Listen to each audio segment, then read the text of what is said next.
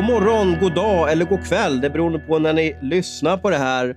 Det är dags för ett av de sista Hockeystudio-poddarna för den här säsongen. Vi är inne på upploppet.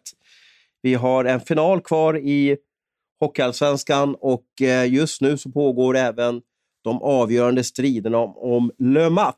Match 1 är spelad och eh, som vanligt är eh, Mattias Karlsson och Hans Abrahamsson med oss i den här podden. Eh, Kolan, eh, hur har din helg varit? Ja, den har varit bra. Jag kollade på finalmatch 1 mellan Växjö och Rögle och sen har vi hållit på lite grann ute i, i trädgården och sådär. Mycket ute med barnen. Så det har varit en, en bra helg. Våren är på väg och Abris, eh, du är just nu eh, live and speaking från eh, Växjö. Hur är läget i Småland? Eh, lite gråmulet, lite småregnigt och ingen riktig vårvärme än. Men eh, hockeyfeber är det i stan i alla fall. Tänkte du på det när du åkte tåg ner? Jag vet inte hur långt ifrån Jönköping du åkte, men det är lite speciellt. Jag bilade ju ner den här sträckan förra veckan och då, då åker jag igenom Jönköping och så fortsätter man 12 mil söderut så kommer man till Växjö. Himmel och helvete kan man säga va? Ja, det är ju samma, samma landskap och bara 12 mil emellan. Men det har verkligen varit upp och nervända världen här. Och, eh, nej, det, det, det är speciellt, det är det. Vi hoppar rakt in på den första finalen och det är så att eh, det kommer inte bli några målfester. Det behövs 2-1 till Växjö den första finalen. Du var på plats då, Abris. Vad är dina tankar och, och vad är dina vad hade du för upplevelser inför matchen, under matchen och efter matchen? Ja, men lite besviken var jag faktiskt på, på matchen. Samtidigt som vi vet att den första matchen då, när man har kommit en bit in i slutspelet kan vara lite grann, man möter en ny motståndare, man vill lära känna varandra och, och, och sådär. Och då kan det bli lite avvaktande första matchen och det var väl den känslan jag hade. Jag kom ifrån den femte avgörande matchen i Ängelholm där i torsdags och eh, den var ju lika bra som de fyra tidigare och eh, jämfört med den så, så tyckte jag att det här var lite mer trevande. Ja, vad, vad tyckte du Kolan när du kollade på, på tvn på Käringberget? Eh, nej, men det påminner väl kanske lite grann om den matchserien som Växjö hade före mot Örebro. Det, det blir ju inte jättemycket klara målchanser. Eh, och det är väl en, en, styrka som de har. De kan alltid stänga ner det andra laget. Och nu möter de ju ändå det, det bästa offensiva laget vi har i serien. Eh, så ja, jag är ganska imponerad av hur de spelar sitt försvarsspel och även hur de spelar med pucken och skickar en del långa puckar på någon som står där uppe och väntar och så tar de hem den igen. Så de, de får ett lugn i spelet på något sätt trots att de inte skapar speciellt mycket målchanser. Sen är de ju farliga när de får en del bra omställningar också. Ja, när du såg matchen och Kolan, var, fick du någon känsla av att ah, men det här laget är lite bättre än det andra, eller är det helt öppet fortfarande? Nej, jag tycker att det är helt öppet. Jag, jag tror ju att Växjö kommer vinna, men, eh, men jag tycker att det är helt öppet. Rögle är ju otroligt bra, så de skulle mycket väl kunna vända tillbaka och ta det här. De, de spelar en så pass bra hockey, så har de lite flyt och får lite utdelning så då blir de väldigt svårstoppade, helt klart. Ja, Erik Källgren står ju där, Abis. Vad säger de om Viktor Fast? Jag, jag har förstått att du försökte prata med honom eh, men att det var lite no, det här klassiska no comments. Ja, de vill ju inte prata, de som inte spelar. Det är väl samma med Melart där också. Att de, de, eh, och den kategorin tillhör ju, tillhör ju fast. Och nu pratade jag med Hallam lite grann om, eh, om honom. Då, och, det, det, går åt rätt håll säger han ju. Det, och de utesluter ju inte att han kan vara tillgänglig i, i slutspelet. Ehm, ja, i finalserien då. Men ehm, äh, det ska väl mycket till att peta undan Källgren nu. Det gäller jättemycket till att peta undan honom. Det är väl mer att det kanske är skönt att ha en senior backup i alla fall på, på bänken där. Eh, fall det skulle hända någonting med Källgren så är det väl väldigt bra om, om, om eh, fast i alla fall är i spelbart skick. Jag satt och gjorde någon lista, jag vet inte om du såg den Abris, men det är ju inte ovanligt att man vinner SM-guld med en, med en backup-målvakt. Var, var, varför är det så här?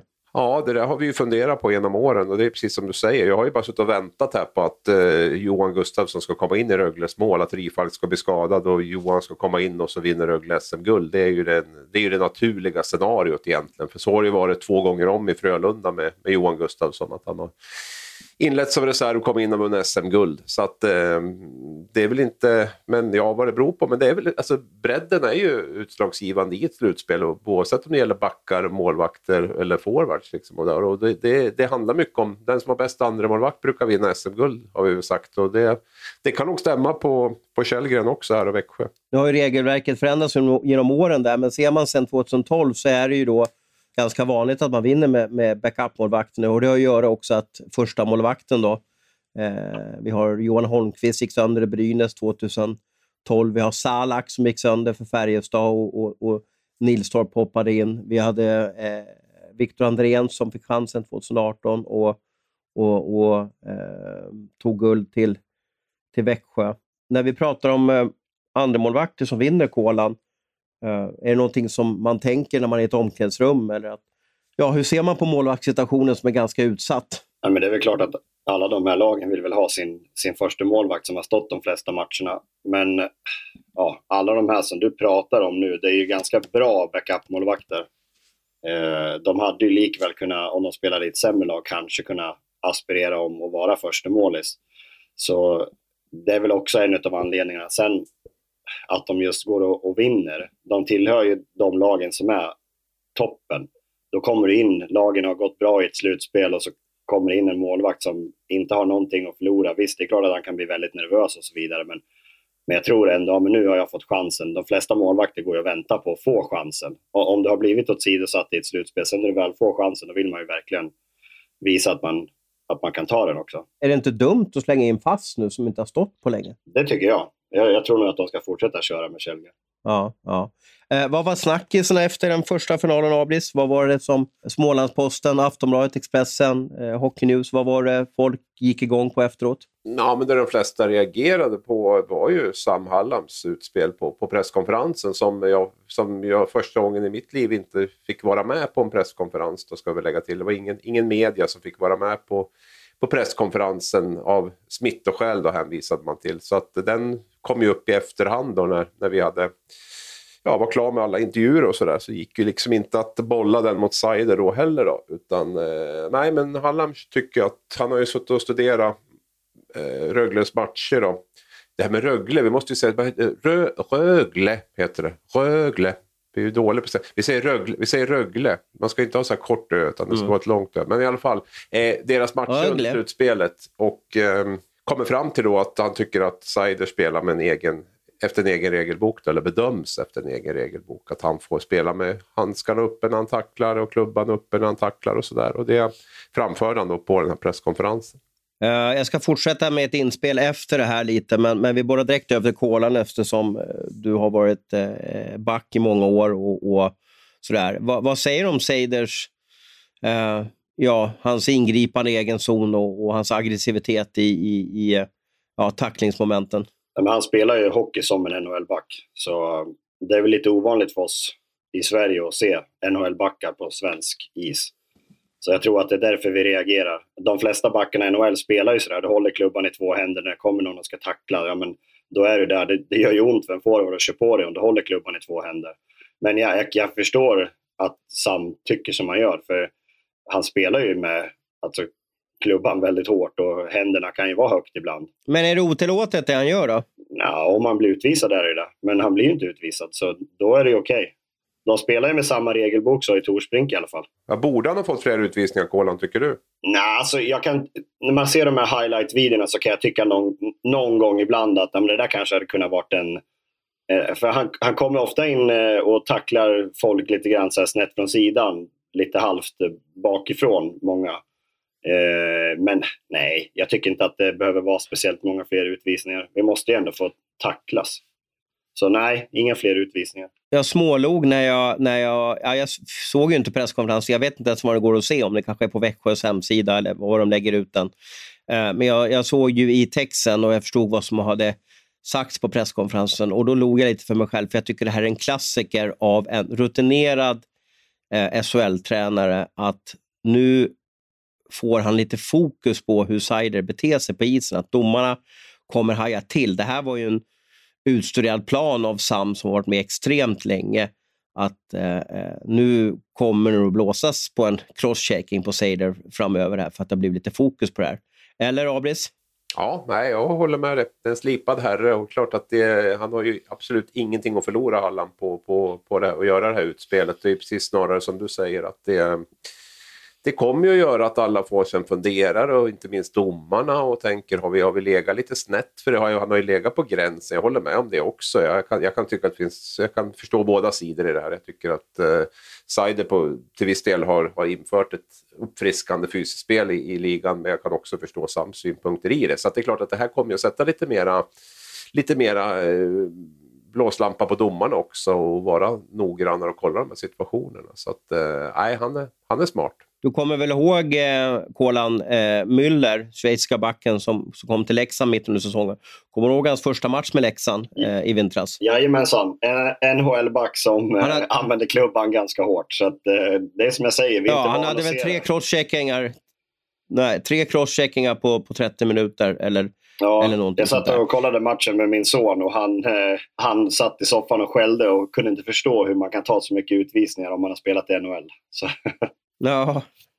Men du, eh, om du hade varit Seider nu då, och, och motståndarcoachen och i ett viktigt läge som det här är, går ut och lite, ja, lite hänger ut dig. Hur hade du känt som hockeyspelare när du kliver in på isen nästa match? Nej, men jag tror inte att, det är inte ens säkert att han förstår vad Sam har sagt. Så då måste ju någon berätta det för honom. Okay, är, det, är, det ingen som, är det ingen som översätter eller att det liksom på något sätt han var någon kompis som har googlat eller Google-översättat eller någonting sådär? Det är säkert någon som berättar det för honom, det tror jag. Eh, jag tror nog bara att han vill gå ut och tackla någon ännu hårdare. Så att de nästan gör illa sig tänkte jag säga. Nej men ja, det påverkar inte han. Han spelar ju sådär. Han har gjort det hela säsongen så det spelar ingen roll. Att någon tränare tycker att han har en egen regelbok, det är väl bara bra det. Jag skulle vara glad om någon sa att jag hade en egen regelbok. Det bevisar att du gjort avtryck i, i, i SHL-världen kan man absolut, kalla det. Absolut, absolut. Nej, men eh, det finns ju en aspekt till i det här och det är väl det som jag, jag funderar lite grann också vid eh, hur Torsbrink tänker runt det här. Jag tror att de är jävligt förbannade från domarhåll att Hallam lyfter det här på en presskonferens och inte lyfter luren och, och, och tar det direkt med domarna. Så att där finns det ju en aspekt i att det kan det kan ju få lite motsatt effekt också. Ska de vika ner sig nu för att han går ut offentligt och, och gör det här istället för att... För är det något man gärna vill inom domarkåren så är det att vi löser de här grejerna internt. Vi, vi, vi, vi pratar med varandra dagen efter och, och om det är något problem och så. Eh, nu blev det ju en väldigt publik grej då och det tror jag störde Torsbrink. För jag var i kontakt med honom igår och han var väldigt liksom, kortfattad och ville inte kommentera någonting. Och jag kände liksom genom smsen att han var lite arg. Inte på mig då, men, men, men på, kanske på Hallam. Ja, och du sökte ju även eh, Moritz Seider och det har varit Silencio Stampa där. Ja, vi hade klart med en intervju där, för man vill väl naturligtvis veta eh, ja, hur han ser på det här. Vi hann ju inte prata med honom efter matchen på grund av det här som jag nämnde tidigare, att presskonferensen inte var befolkad av journalister. Och det var klart att vi skulle, han skulle ringa mig, men sen blev det ändrade planer snabbt. Fick ett besked om att han inte var tillgänglig för intervjuer och sådär. Så att jag vet inte hur, om Rögle då hade bestämt sig för att... Och det är därför jag tolkar att han gjorde ju inte, han gjorde inte avtryck i, i, i matchen Moritz. Det är därför jag tolkar det som att han på något sätt har fått det här beskedet att han hamnade i en liten torktumlare efteråt där. Och därför som jag tänkte att gjorde han det lite enkla och gjorde liksom strutsen, stoppade huvudet i, i sanden där och, och, och valde att eh, ja, men nu fokuserar jag på hockey. Eh, det här att inte prata i media, att liksom på något sätt inte ta tag i, i problemet. Är det, är det en bra taktik, Håland? Nej, det tror jag inte. Jag, för övrigt så tror jag att, eh, att det är Rögle som har beordrat han att inte prata. Jag tror inte att han har gjort det själv. Alltså det är min gissning. Eh, jag håller med till 100 procent jag tror också. Det, det händer ju ibland att, att klubbarna säger åt spelarna att de inte ska prata i media. Om det har hänt någon speciell grej till exempel att de inte får kommentera utan det är klubben som ska, som ska sköta kommunikationen utåt. Det händer ju jätteofta. Så jag tror inte att Seider i det här fallet har, har sagt nej utan det är nog Rögle som, som inte vill att det ska lägga någon fokus på han utan att han ska få vara i fred. Kom ihåg det långa öet där Kolan. Rögle, inte Rögle. Ja, jag, det kommer jag nog aldrig att lära mig. Okej. Okay är det är bra. Du, när vi ändå snackar om eh, domare här. Eh, final två är för övrigt på måndagskvällen. Men vi måste gå över till, eh, det hör ihop med det vi pratat om precis, Guldpipan eh, delas ut varje år. Kan du berätta lite om Guldpipan Kolan? Ja, eh, varje år så kommer det ner blanketter till omklädningsrummen i alla SHL-lag. Och där får man fylla i vilken domare Eh, I printform, alltså det kommer, det kommer en klassisk liksom, vit papperslapp alltså? Ja, det står ju lite finare vilken domare som har varit bäst och så vidare. Ja. Eh, så att då ska man fylla i där vilken domare man tycker är bäst. Jag kommer inte ihåg om det, jag tror att man kanske fyller i flera namn och sen eh, blir det någon slags poängsystem utav det där. Eh, och den, den domare då som får flest poäng eller röster eh, vinner då Guldpipa. Och jag tycker att det är ett, ett bra val de har gjort. Jag gillar han främst för att han är duktig på att kommunicera. Och jag tycker att det är väl, ja det är bra om du kan döma också helt klart. Men, men eh, en av de viktigaste grejerna är ju, som domare är du ju ändå kommunikatör. Eh, så du måste ju kunna kommunicera på isen och det tycker jag att han gör på ett eh, väldigt bra sätt och han svarar i, i media och så vidare utan att hela tiden skylla ifrån sig som faktiskt en del kan göra. Men eh, jag tycker att han, han, han och jag har i alla fall alltid fungerat bra sådär, så eh, jag gillar Micke Nord. Han är ju en av Sveriges bästa domare, men dit jag försökte komma till det är ju lite att det går som i sjok det här. Att först var det Rådbjer, sen var det Kuben och sen var det Nord. Jag fick ju en känsla av att om du får det där pappret i omklädningsrummet så frågar du, vem har ni röstat på? Ja, vi röstar på honom. Ja, då röstar jag på samma. Eh, hänger du med? Att, att, att det är en sån grej, alltså är det så? Eller, eller sätter man sig och funderar 45 minuter, vem har varit bäst i år? Eh, jag gjorde nog kanske det. Jag, jag ska vara ärlig och säga att jag vet ju inte vad alla domare heter, så det är skitsvårt att fylla i eh, skriva ner namn. Det bästa hade varit om det stod namn på alla domare så kunde man sätta ett kryss. Eh, för mm. jag, när jag spelade, jag visste inte vad alla domare hette. Det måste jag vara ärlig och säga. Så att, eh, jag kan ju ha glömt någon stackare där. Ja, de som är störst avtryck brukar man ju komma ihåg. Det var ju svårt att glömma bort eh, Sören Persson till exempel. Vad tänkte du om Sören? Nej, men han, det finns ju en massa fina klipp på han när han brottar ner spelare och så vidare. Det är en sån domare som man inte glömmer och det gick ju knappt att säga ett ord till honom. Han var ju, han var ju en polis på isen verkligen. Det var ingen domare, det var ju en, en militärpolis på isen. Mm, mm.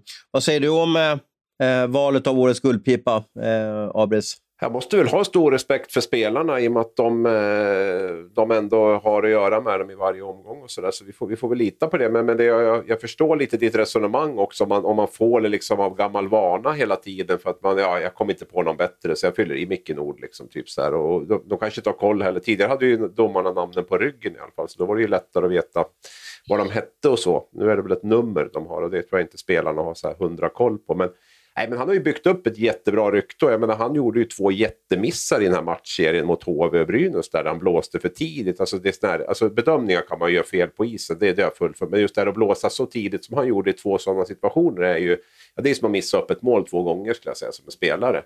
Och eh, en normal domare hade väl varit bortplockad nästan från en sån serie. Liksom. Det hade väl, men han har sånt förtroende av, av både spelare och ledare så att, så att han, får, han får köra på ändå. Och det är ju något han har byggt upp så det, det ska han väl all, all cred för. Och, eh, eh, när man ser på totalen, när det handlar om just det här att ha kommunikation, kunna erkänna sina misstag, eh, bedömningen på isen och så, så, så landar vi kanske i att han är den, är den bästa fortfarande. Vem är på silverplats då, eh, Kolan? Nej, jag vet inte. jag kan inte namnet på domarna ju. Kom igen, en till. Volmer, Ölund.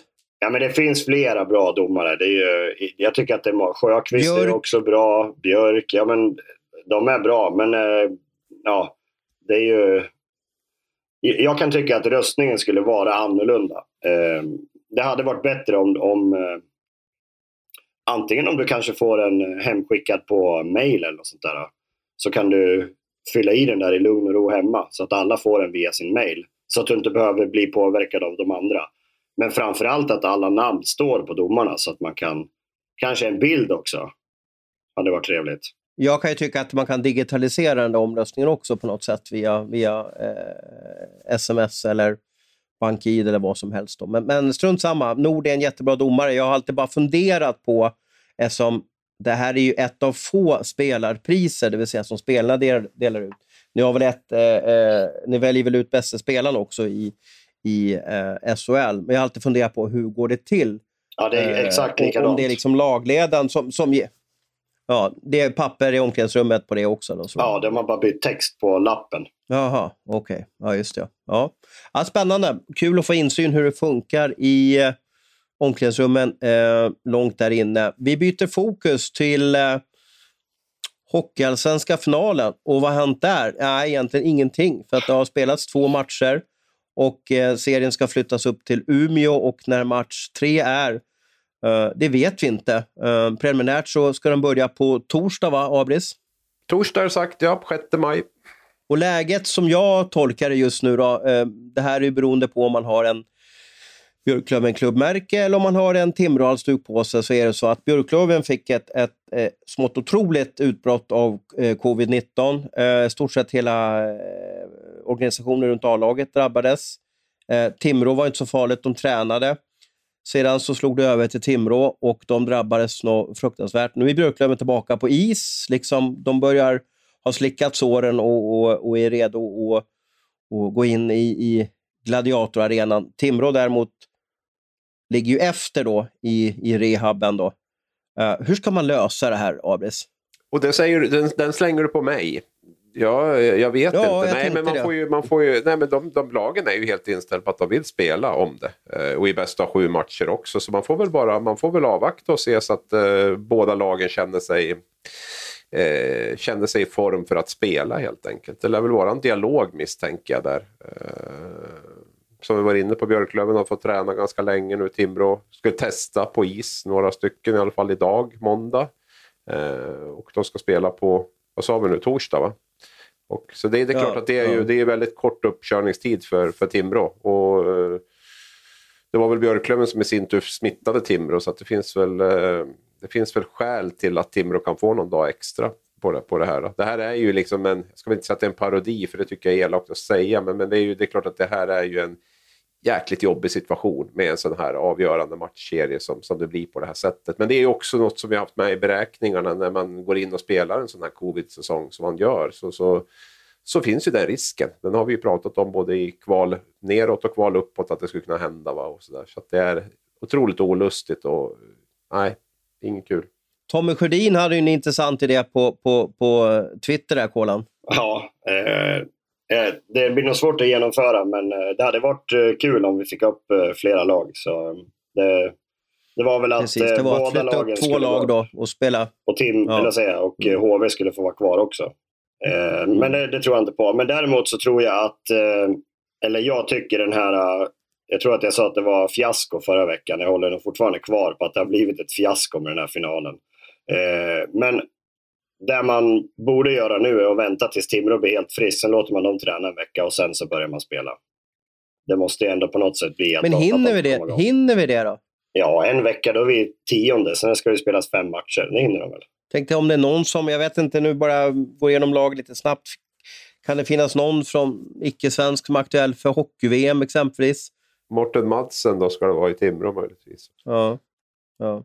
Jag bara säger att det finns ju ett stoppdatum för allting också. Eh, jag vet att det var någon som sa att vi kan spela till midsommar eller vi kan hålla på, men, men det måste ju finnas något datum där det, eh, där det tar slut. Eh, jag tror inte heller att det kommer börja spelas på torsdag. Jag tror att Timrå kommer vilja skjuta på det här. För det står ju så mycket pengar på spel. Det är, det är en plats i SHL som ger ja, 40-50 miljoner per år. Kanske inte räcker heller om man tänker på utökade biljettintäkter och så vidare. Eh, och då vill man ju börja match tre när man är så förberedd som man kan bli. Har du haft någon hockeykompis som har haft eh, eh covid-19, Kolan? Ja, ganska många i Leksand har ju haft det, så det är väl ett gäng. Eh, men de flesta klarar ja. sig väl ganska bra, men jag tycker det är ändå olustigt. Man ser ju Bristedt som har ja, åkt runt på halvfart hela, hela säsongen. Sen han drabbades av det där och det är först nu han börjar komma tillbaka till ja, se ut som han gjorde förra året. Så det är lite olustigt och de här killarna i Västerås med några stycken som fick pausa. Sen tror jag Erik Hansén avbröt ju, eller heter han? Hanses. Målvakten. Hanses. Hanses. Han är ju tillbaka här i Leksand och han har ju avbrutit sin säsong på grund av corona. Så att, eh, ja, det är lite olustigt. Mm, mm.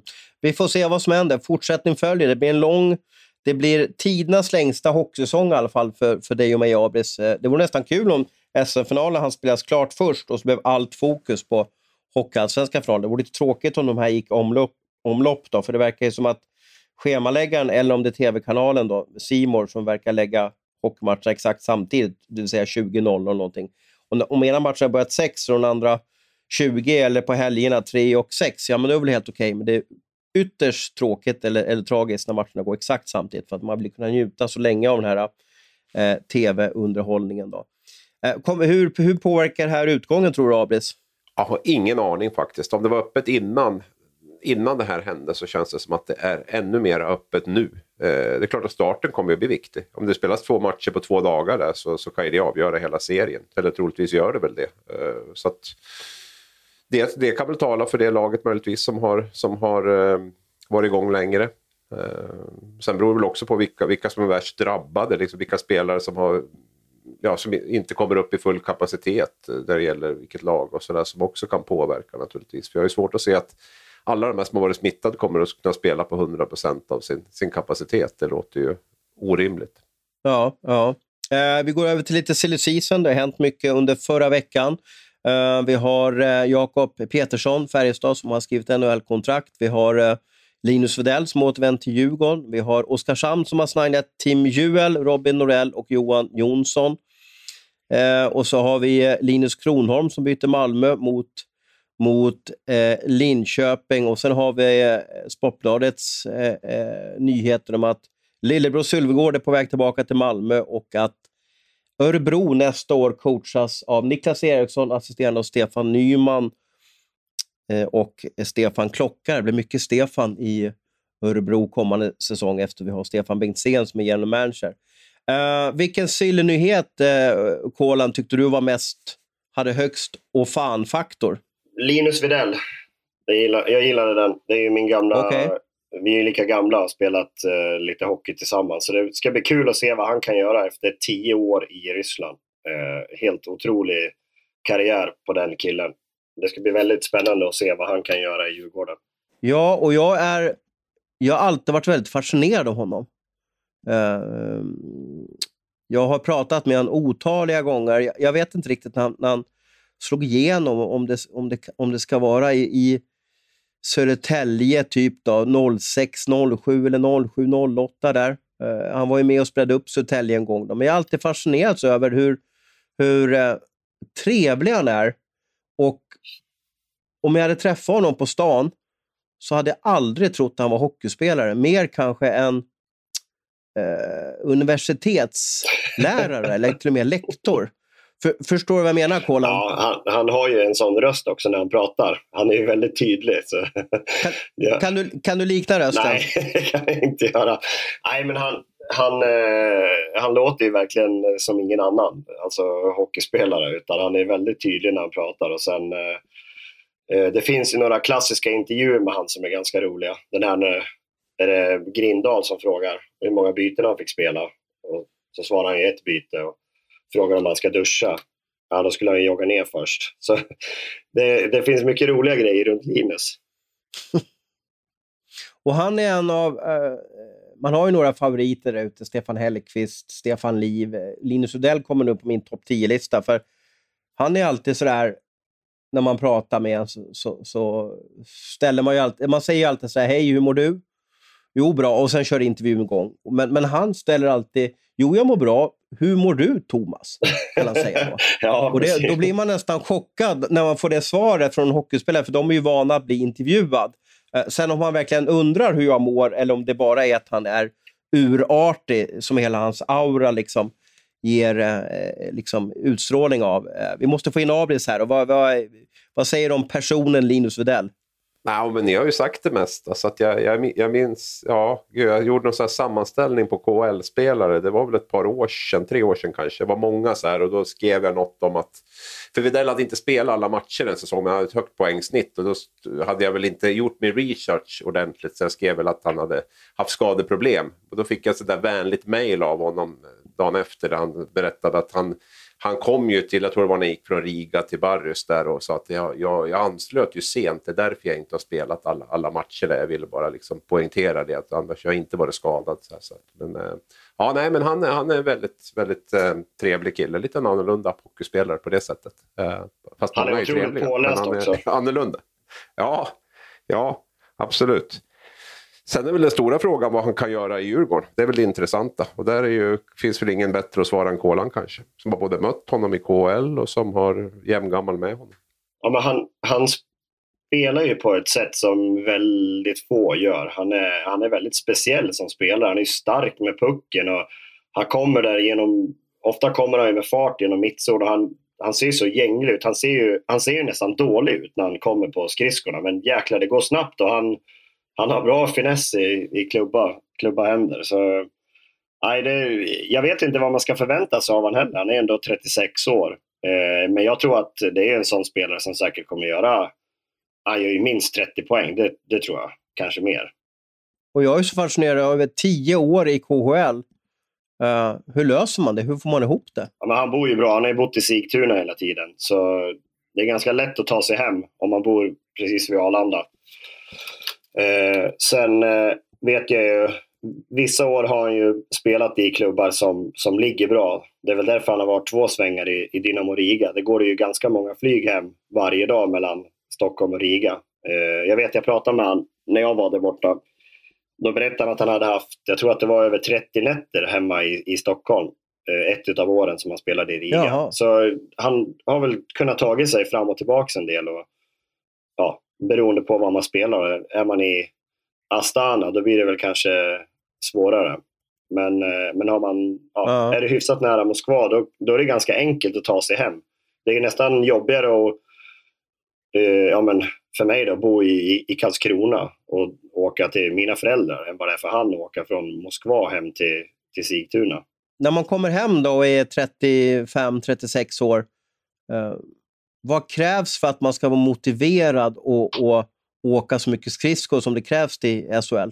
Ja, jag, jag vet faktiskt inte. Han, eh, han, han har ju tränat själv nu i ja, det lär väl vara en 12 år som han har bedrivit sommarträning själv. Och han sätter ju upp bra poäng borta i KHL så att jag tror inte det är något problem med hans, med hans form. Enda som kanske kan vara en nackdel är att han är väldigt stor. Så eh, att, ja, folk, jag tycker man, man, märker det när man blir äldre att det ser ut som att alla andra runt omkring en, de unga killarna, blir mycket snabbare. Men det kanske bara var jag för jag var så dålig på att åka skridskor. Jag vet inte. Eh, han körde ju tio säsonger borta i KHL, eh, men inte, har inte spelat flest matcher av svenskarna där borta. Vilken svensk tror ni har spelat flest matcher i KHL?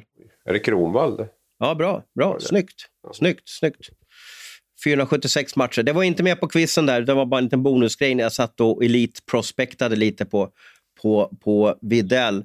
Eh, vi släpper honom eh, och som jag nämnde, lite resumé där av sammanfattning av förra SHL-veckan så har Jakob Petersson skrivit NHL-kontrakt. Eh, det som skedde, eh, som vi skulle ta upp förra podden, men inte riktigt han, det var att Holtz och Raymond har också skrivit eh, NHL-kontrakt. Och jag tänkte att vi skulle prata lite om när ska man skriva NHL-kontrakt och åka över till Nordamerika? Det vill säga, när är man mogen? Som jag blev upplärd så, så var man mogen när man hade spelat när man var typ bofast i Tre Kronor.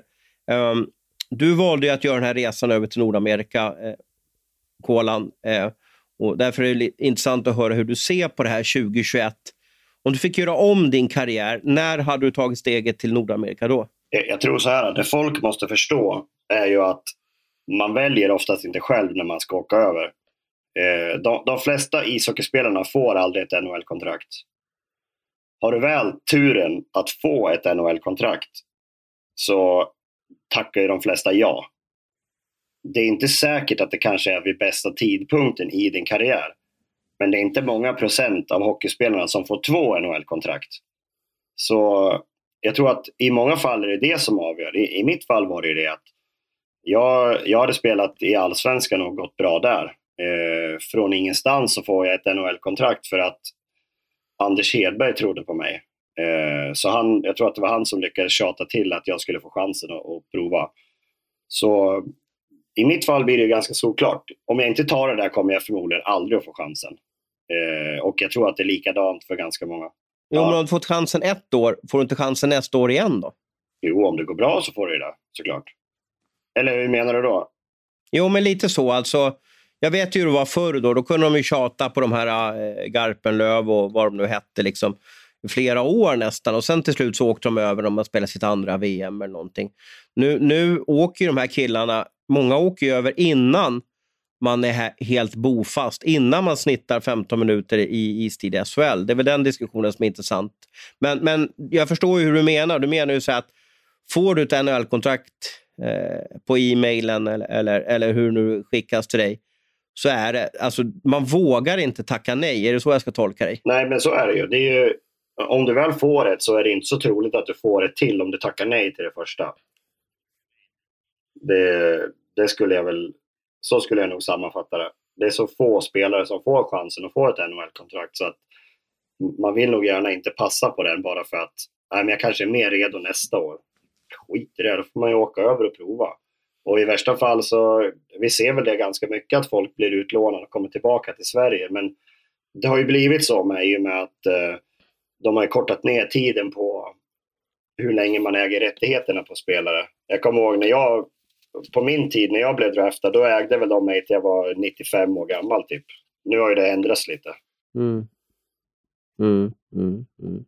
Så är det. Jag har alltid funderat på, jag bollar in dig Abris här, om det är bäst att bli draftad. Alltså går man en första runda då är, har man en väldigt stor chans att bli en stjärna i NHL. Eller lyckas i NHL i alla fall. Eller i alla fall så, få så många chanser i NHL att du till slut blir bofast. Men, men jag har alltid funderat på vad är bäst? Bli draftad i, i runda 2 till 7 eller 3 till 7 eller att smyga bakvägen, göra en, en händemark eller, eller vad man ska kalla det för, att gå som fri agent lite senare.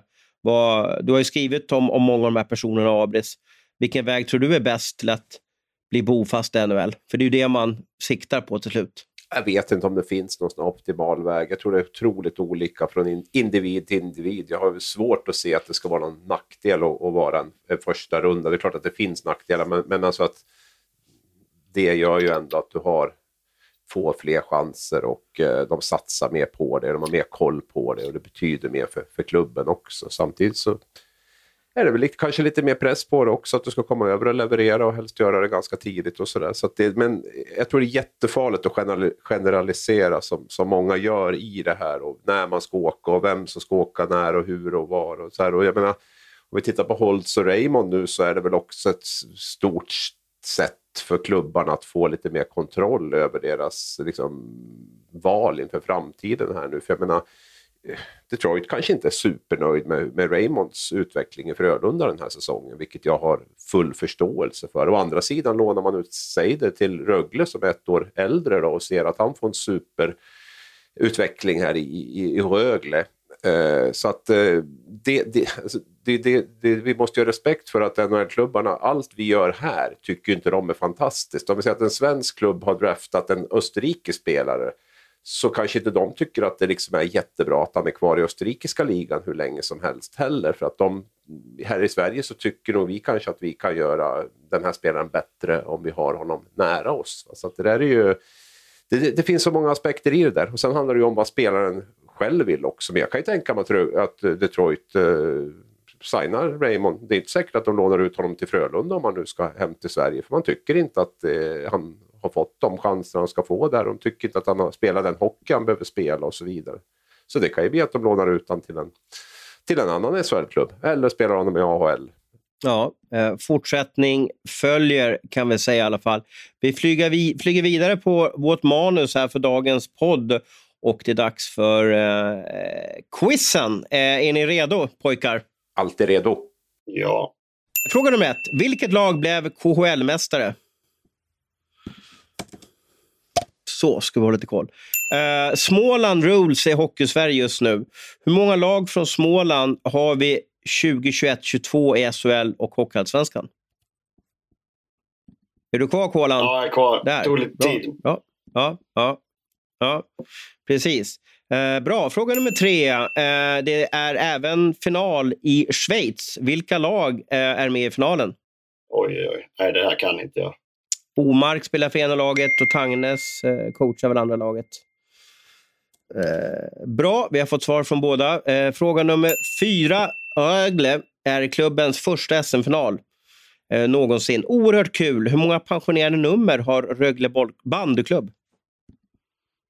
Mm. Jag fick identiska svar fick jag eh, från er båda. Eh, fråga nummer fem. Pontus Holmberg avgjorde första finalen i lördags. Var är han uppväxt någonstans? Känd pappa. Eh, vi har ett slutresultat. Eh, Abris eh, tre rätta snabba svar och Kolan ett korrekt svar. eh, ta igenom oss lite, tar igenom oss lite, lite snabbt här. KHL-mästare, eh, vilka är det? Eh, Kolan? Omsk. Avantgarde Omsk. Vad är det för, kan du berätta lite kortfattat om Omsk och Avantgarde? Vad är det? Alltså kan, om, du, om vi kan dra, om det, folk som lyssnar på det här då, kan du dra en jämförelse? Det är ungefär som SHLs XXX om du förstår vad jag menar. Eh, oj, ja. Men det här är ju en klubb med mycket pengar. Eh, så vad, vad, ska vi sätta dem då? Är det SHLs Färjestad eller KHLs Färjestad? Får vi säga. Hur är staden då?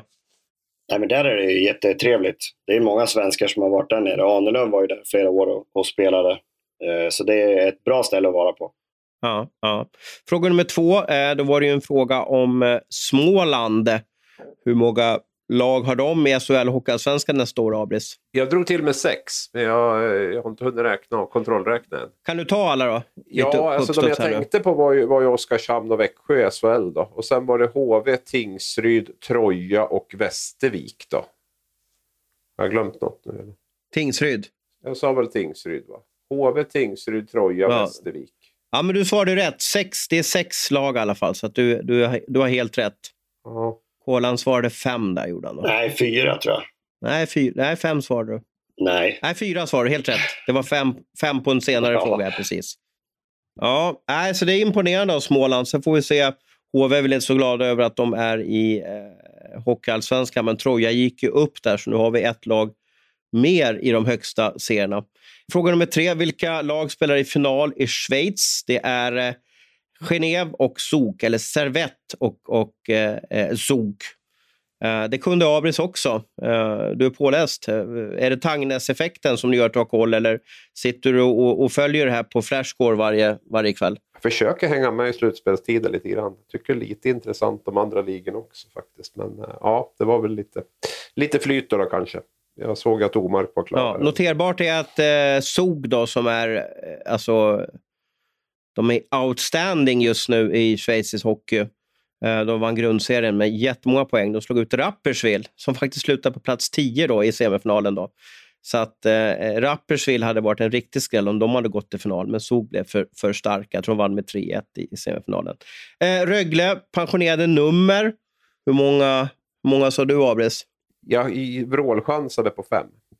Ja, ja. Och eh, jag kan berätta att Kolan sa samma sak. Och nu måste jag gå in och kolla här, för att nu måste jag tjuvläsa lite vilka, vilka, de, vilka de är. Då har vi alltså då eh, Kent Swiss Svensson, Lennart Åkesson, Roger Elvenäs, Kenny Jönsson, Stefan Elvenäs och Jakob Johansson. Alltså sex spelare, så det var ingen som hade rätt där. Eh, chansade ni bara, eller satt ni och räknade i huvudet där, eller hur gjorde ni? Jag chansar. Jag, jag gjorde vilka de var i tak. Ja. Eh, och ingen som hade rätt där. Sista frågan. Pontus Holmberg, eh, vad heter hans pappa, Abris? Jörgen. Just det, och det är alltså Västerås som är uppväxtort. Du drog till med Sundsvall, va, Kolan? jag tänkte inte ens på den spelaren, ska, om jag ska vara ärlig. Vilken spelare tänkte du på? Då? Jag tänkte på Filip Hollander. När du sa Holm, ah, okay. Holmberg så kom ja, jag att tänka ju... på han i Luleå. Och sen kom jag på att de spelar inte ens final. De åkte ju ut. Nej, just det. Ja, han avgjorde som sagt var i lördag, så därför jag tänkte att han skulle vara lite aktuell där. Eh, bra jobbat! Ny, ny, seger av Abris. Det är bara att komma igen, va, eh, Kolan? Ja, om man inte ens har koll på vilka som spelar final så tror jag att det kommer bli väldigt tufft för mig framöver. Om jag ska kunna ha en chans mot ja, ja. Abris. Just det. Just det eh, vi flyger vidare. Eh, jag är fascinerad av det som sker i Luleå. Karl eh, Fabricius fick inte nytt kontrakt. Och eh, Det lutar åt att klubben vill göra sig av med Niklas Olausson. Eh, min frågeställning är ju att gör Luleå samma tabbe eh, som HV71 nu? Det vill säga att man gör sig av sig med trotjänare och tappar ja, kulturbärarna. Ska man kalla det för det, Kolan? Jag tycker att eh, det kan vara svårt med kanske de här spetsspelarna. Det behöver man ju uppdatera och ha de bästa hela tiden. Eh, men jag tänker på en sån som Karl Fabricius eller kanske Henrik Eriksson i Djurgården. jag har lite svårt att förstå varför, varför man måste göra sig av med dem. De borde kunna spela så länge de själva vill lite grann. De fyller ju sin funktion i laget. De ger allt på träning. De är otroligt goda lagkamrater. Eh, jag vet inte varför man väljer att byta ut sådana spelare. Det, det, måste ju vara drömmen att ha dem i ett lag. De, de kräver ju inte att spela när man tar ut målvakten till exempel. Och de är nöjda med att få komma till ishallen och träna stenhårt och sen spela matcherna. Och de minuterna de får, och det gör de så bra de bara kan. Eh, jag har jättestor respekt för sådana spelare och jag har lite svårt att förstå varför man, varför man gör sig av med dem. Vad säger du om min frågeställning, Abris? Den är jättesvår, tycker jag. För att eh, jag har respekt också för att man på ett sätt eh, ja, tittar lite grann på prestationen och känner att vi ska inte av nostalgiska skäl liksom, eller antal matcher förlänga med den här spelaren. Samtidigt som jag, ja, inte minst efter årets säsong med HV, har liksom fått större respekt tror jag för det här också med, med, med, med att ha den här typen av spelare kvar. Eh, det där är ju också extremt svårt när man inte är på insidan. Men det, som kanske förvånar, nu kan jag inte alla turer i Fabricius-fallet, men att man i alla fall inte, likt Törnberg, att man i alla fall har en förhandling. För det verkar ju nästan som att Luleå har tagit det här beslutet utan att man har diskuterat lön och sådana saker. Det var ju också fallet i, med Martin Törnberg och jag tror även Oskarsund, att man inte ens eh, för det är klart att det här är ju spelare som en gång i tiden i alla fall har legat ganska högt men som kanske inte förtjänar den lönen nu. Och, eh, men behåller dem till en, till en låg lön och kanske vara i en fjärde kedja eller det, ja, det, det, skulle jag nog överväga mer kanske än vad, än vad de här klubbarna har gjort. Alltså jag, det där har alltid jag fascinerats över och jag vet inte om, det, om jag är liksom löneintresserad eller inkomstintresserad. Jag hamnar i en vinkelvolt där. Men, men vi ser att man är van att tjäna 250 000 eh, och har gjort så under 7-8 års tid. Jag säger inte att Fabricius har haft den lönen, men, men det finns ju andra spelare som liksom börjar eh, hamna på upploppet av karriären. Och så blir man kvar ett år till och så får man 80 i månaden. Är det så lätt att motivera sig då, Kolan?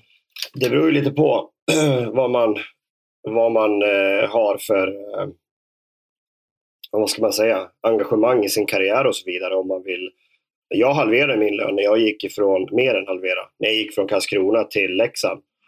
Eh, men då hade jag ett, ett mål med den resan.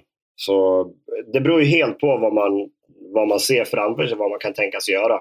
Jag tyckte fortfarande att, att det var en bra lön trots att jag hade halverat den från SHL ner till Allsvenskan. Men vad hade du för mål då? Att få gå upp med ett lag? Var det så du tänkte? Eller? Jag hade ju fått frågan från Leksand flera gånger tidigare under min karriär, men det hade aldrig passat. Och Eh, ja. Och sen fick jag inte komma en gång. Men eh, ja, så nu var det verkligen så här, men ska jag, om jag någon gång ska spela i Leksand så är det ju nu jag har chansen att kunna göra det. Eh, och såklart, jag hade precis ramlat ur med Karlskrona så att man var ju rätt sugen på att få göra den omvända resan när man såg hur, hur glada de här Timrå-spelarna var. Så det fanns ju där i bakhuvudet att man väldigt gärna skulle vilja ta upp en sån klubb som Leksand, för det är ju ändå en av de finaste klubbarna vi har i Sverige. Mm, mm. Eh, Leksand valde ju att förlänga med Mattias Rittola. Eh, han är inte riktigt i samma ålder som kanske eh, Fabricius. Då. Men, men vad säger du om den förlängningen, Kolan? Nej, men det tycker jag väl ändå är, är rätt. Han spelade bra på slutet av säsongen. Och eh, Vi pratade väl om han i någon podd här tidigare, att han är väldigt användbar. Eh, han är en sån som egentligen skulle kunna sitta på sidan och sen hoppa in och, och stå och styra spelet i, i powerplay. Så jag tror att hur de än väljer att använda han så kommer du ha användning av honom. Han är fortfarande bra och han bidrar ju med väldigt många fina kvaliteter. Så jag, jag, tycker att det är helt rätt att han får köra ett år till. Ja, ja spännande.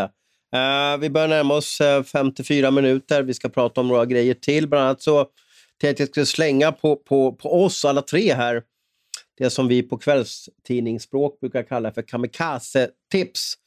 Vad, vad tror jag syftar på, Kolan? Eh, vem som vinner SM-guld. Ja, nästa säsong. Det vill säga att en, en omöjlighet. Men, men vi i kvällstidningsbranschen vi blandar ju seriöst med, med klackisar och lite annorlunda grejer. Och, och, och lite roliga bildlösningar. Och bland annat så, så, så ger vi oss på att tippa någonting som egentligen är helt omöjligt att tippa, men bara för att bryta från det normala som kan ge läsaren, eller lyssnaren eller tittaren liksom, aha, okej, okay, liten, liten tankevurpa där kanske. Uh, så att, helt rätt. Vilket lag uh, tror ni, eller jag också, vinner Le Match 2022? Extremt långt kvar. Det är ett år kvar dit. Uh, och Jag kan väl börja så får ni lite betänketid. Är det okej? Okay? Gör det. Ja. Rögle kommer ju tappa väldigt många spelare. Man kommer att tappa Seider, man, man riskerar och, och, ja, man kommer att tappa Sar till KHL. Eh, man kommer nog kanske tappa Ryfors till, till NHL. Niklas Hansson. Eh, och det kan bli fler. Niklas Hansson också. Eh, men jag, jag har en känsla av att det Rögle håller på och bygger nu, eh, de har många spelare, Everberg, Brithén eh, och några till, som, som lyser som, som starkast nu. Och de här spelarna kommer inte dra, dra iväg igen. Så jag, jag känner att de har en, en, en ryggrad i det här laget, plus Abbots. Så jag, jag, tror att Rögle, jag vet inte om de försvarar guldet, det vet vi inte än, men jag tror att de tar hem Le Mat 2022. Vad säger Abris? Rögle, säger jag. Eh, nej, men jag, jag var inne på det. Då. Men det är väl tråkigt om vi säger likadant. Då. Så då drämmer jag till med Skellefteå. Då. Ja, kort motivering till Skellefteå? Är det bara för att du inte... Ska... Vi ska inte vara SVT Morgonsoffa, eller? Ja, precis. Jag ska tycka motsats till dig ungefär. Nej, men Skellefteå är på väg att bygga ja. upp något, något bra igen där. Det känns som att de har en, en, en uppåtgående trend och jag pratade lite kort med sportchefen Niklas Lundqvist där uppe i, i Ängelholm, ska jag säga. Um, och han är ju inte någon man av stora ord, men han bara väste till mig när jag gick ut där efter sista matchen. Så vi kommer att ha ett bra lag nästa år, så jag måste titta med ögonen. Så att, eh, de har grejer på gång där uppe. Pudas är ju redan presenterad där uppe. Jag tror väl att man söker en en fortsättning med, med Melke Karlsson. Eh, per Lindholm kom in nu. Jocke Lindström kör ett år till. Möller är kvar. Nej, jag tror, jag tror att de, eh, de kommer att bli vassa. Vad säger Kolan då? Ja, men jag säger Frölunda då. De eh, borde vara ordentligt... Du tror att de studsar tillbaka ja, ännu en gång? Ja, de är nog ordentligt besvikna över den här säsongen som har varit. Så jag tror att det kommer... Saker och ting kommer göras om där och det kommer vara en, ganska mycket nya spelare tror jag. Så ja, jag, jag säger Frölunda. Då. Men vad ska de göra om då? Vad, vad... De hade ju ett ganska bra lag på pappret den här säsongen.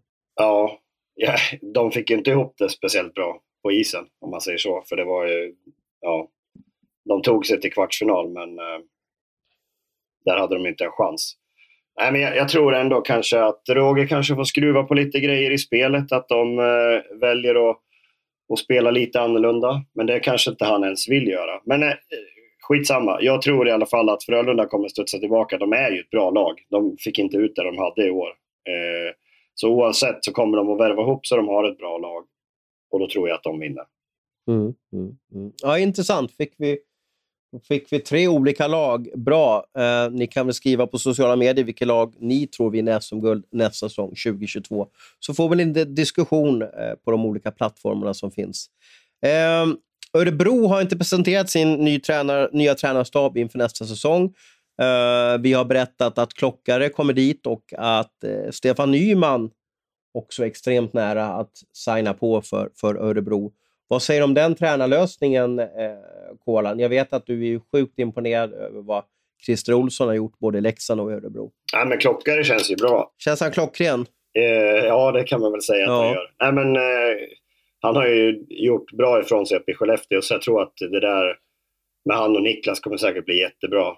Så, det tror jag på fortsatt eh, framgång för Örebro. Eh, Nyman, är han, fort, är han frisk nu eller? Man har inte hört någonting om han sedan han försvann ifrån, ifrån båset i Jönköping. Var du den sista, eller den senaste som pratade med honom? Abris, eller vem var det som hade kontakt med honom eh, av dig och mig senast här?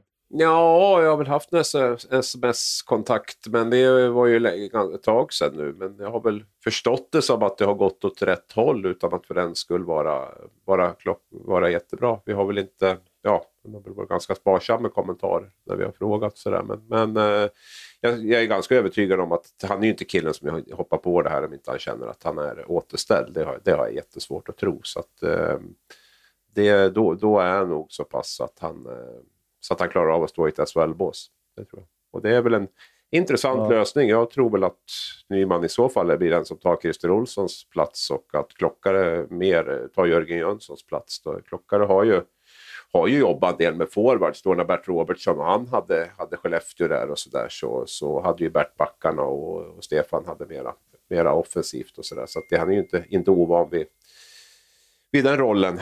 Ehm, så att det, det, det låter väl som en, en väldigt gedigen, gedigen lösning. En rutinerad och meriterad tränarstab på, på alla sätt och vis. Så att det, det har ju gett framgång till Örebro tidigare och det bygger man vidare på nu. Mm, mm, mm. Vi får se vad som händer. Eh, som sagt var, jag är nästan mest spänd på hur det blir med den här Hockeyallsvenska finalen. När drar den igång? Hur många matcher blir det? Eh, tänk om ett lag bara liksom kör över alla. Vi säger att Löven kör över Timrå nu i, i tre raka matcher. Alltså Timrå kommer ju inte gå med och godkänna det här. De, kommer ju tycka att det här har blivit helt fel. Då. Så att den serien, hur än den utvecklas, kommer, kommer eh, vara en, en äkta och riktig Hitchcock-thriller, tror jag. Har ni något mer ni vill prata om eller ska vi ut i vårsolen och få lite färg? Nej, men det känns väl bra, det vi har gjort Ja. idag, eller? Ja, tycker det. Då avrundar vi och så tackar vi för alla lyssnare som eh, har stått ut med oss i 60 minuter och så hoppas vi att ni har riktigt sköna majdagar framöver. Ha det bra nu!